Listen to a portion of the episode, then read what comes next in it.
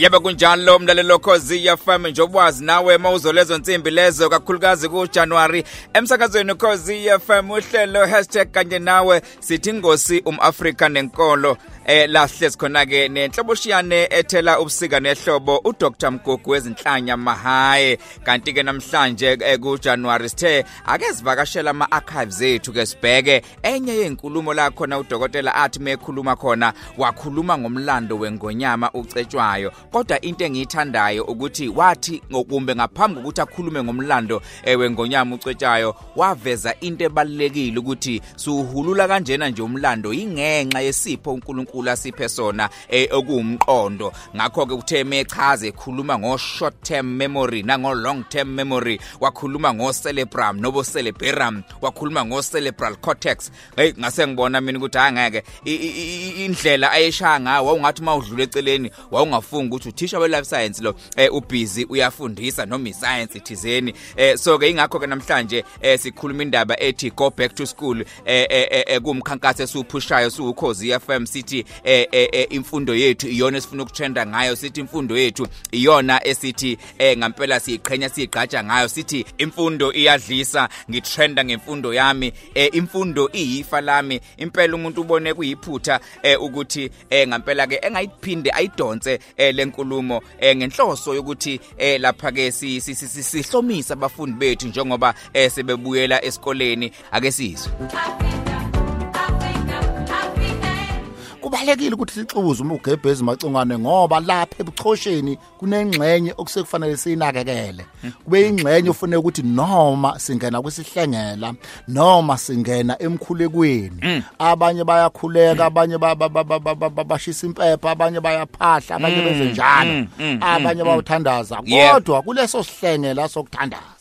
Kuleso silulu sokuthandaza ngoba ngifuna ukuthi ngithi silulu sokuthandaza ukuze ngibuyise amagama ayivela phila ayivele esebenza kuqala awumsoco wolimi uma ungazi uhamba uyolibheka ulimi ngoba macingwane kufanele senze ngayo yonke indlela ukuthi siya decolonize education siyidecolonize ngakho ukuthi si decolonize ulimi Yebo. Ngoba uma ubulala ulimi lomuntu macingwane ngeke sikhothisane lapha. Uma ubulala ulimi lomu ulimi lomuntu, umuntu wakhuluma ulimi ongolono lwakhe, wazi kangcono ulimi ongolono lakhe, ubulale imvelaphi yakhe, mm, wabulala umlando wakhe, wabulala ukuyiqhenya kwakhe, wabulala ukuyigqaja kwakhe, wabulala umnotho wakhe. Wamenza sihlupheki umuntu abe sihlupheki macingwane ngoba nje ulahlekele ulimi abe isigqila sezinye izizwe abe inkotha ngqoko abe into engekho ngoba kulahleka ulimi macingwane. Hey dokotela ngakho mangithi asongena kusihlengela yebo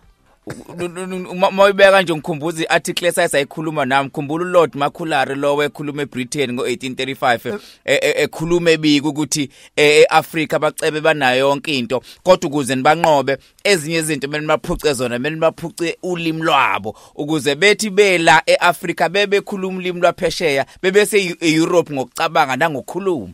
Ngifisa abantu bami abantu bakithi amnyama beke ongena kusona madoda. Beke ongena umthandazweni naba ngamakholo baguqe bathandazele nje ukuthi thina abantu abamnyama angathi umvele kuqali engathi uNkulunkulu umdali uJehova usimakade uThixo umodimo engathi ikakaramba engasilekelela ekuthenini imemory. Eish. Ngoba ebuchosheni kunendawo la kugcinwa khona ulwazi. Kunenqolobane la. Kunenqolobane unendawo lapha ebuchosheni. Ubuchopho bubo honke. Yebo ngaba inqolobane moko but kuna kunendawo nathisi kunamakhosomba athile kunamashalofu akhona lapha emqondweni. Ofuneka abantu bakithi namhlanje bayowakhulekela amacingwane bakwenze konke bangawashisela ngisho nempepha ukuze avuke. Ngoba ukuba namandla nokuba necapacity yokuthi memory yakho ikwazi ukugcina izinto ikhumbule ulwazi recalling information ikwenza ukuthi sikwazi ukukhumbula abantu sikhumbule nezindawo Mm. sikwazi futhi ukuthi sibuyise izinto engama past experiences Mm, mm, eh sikwazi ukwakha umzimba wolwazi the body of knowledge. Mm. uma ngeke sibe ne body of knowledge noma nomzimba wolwazi oluqinile nolujulile elizokwenza usikwazi ukuma simele izimo ezehlukahlukene uma singayikhulekele memory. Manje sifanele sikhulekele yombili ngoba yombili le memory ebalekile empilweni yomuntu ba sinayo i-short term memory. Sibe ne-long term memory.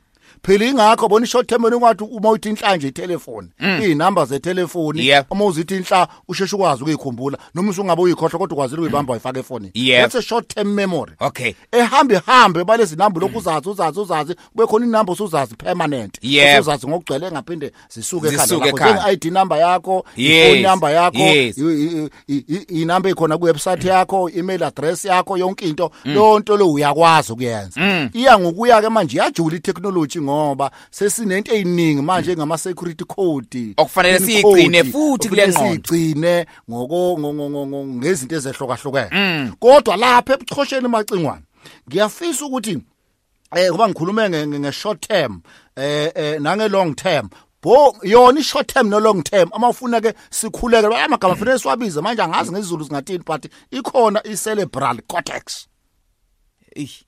Eh, ngoba uma sokhuluma ngomlando kacetshwayo ingonyama ucetshwayo namanye amakhosi nomlando wethu nowemndeni yethu sikwazi ukuyisho. Kodwa uma i cerebral cortex hey. singayikhulekeli kusihlengela sizokhohlwa nesasikutshelwe omkhulu nobaba nokhokoloti bethu. Ngoba empeleni thina banguni sasinganikwanga ithuba nesipho uNkulunkulu sokubhala phansi. Kwathiwa izinto zethu bathina Eyi, ijulile zayihlala lapha izinto ekha- izinto zethu zijulile sifuneke ingantshontshwa. uNkulunkulu funeke izethu zixoxe singabhalwa phansi bayizontshontsha kalula. Hey madoda. Sasingabhali phansi ngoba into zethu ijulile futhi eh, ziyifa kuthina njengama-Afrika. Eh bekho nothasi abantu ababezotshontsha beyithathe lezi zinto bese beyiphendula zibe inzuzo kubona. Ingakho ke kule ngosi umAfrika nenkolo dokotela sithi ayikhona ngampela asikhuleke sikhulekele ingqondo zethu ukuthi zingakhohlwa futhi singalibali umlando obaleka nje ngoba uma singakwazi ukuyikhumbula into ezifana nalezi sifana nesidlo isi- isizwe esidukile eh, isizwe esilahlekile. Sithi uNkulunkulu ukhumbula ingqondo zethu zikhiphe emaketangeni obandlululo amaketanga encindezelo ukuze sazi futhi siqonde ukuthi singobani. Sithi phaphamani ma-Afrika azibuye emasisweni. Ingosi iyaqhubeka nangesonto elizayo. Ibambe kuma podcast okhozi FM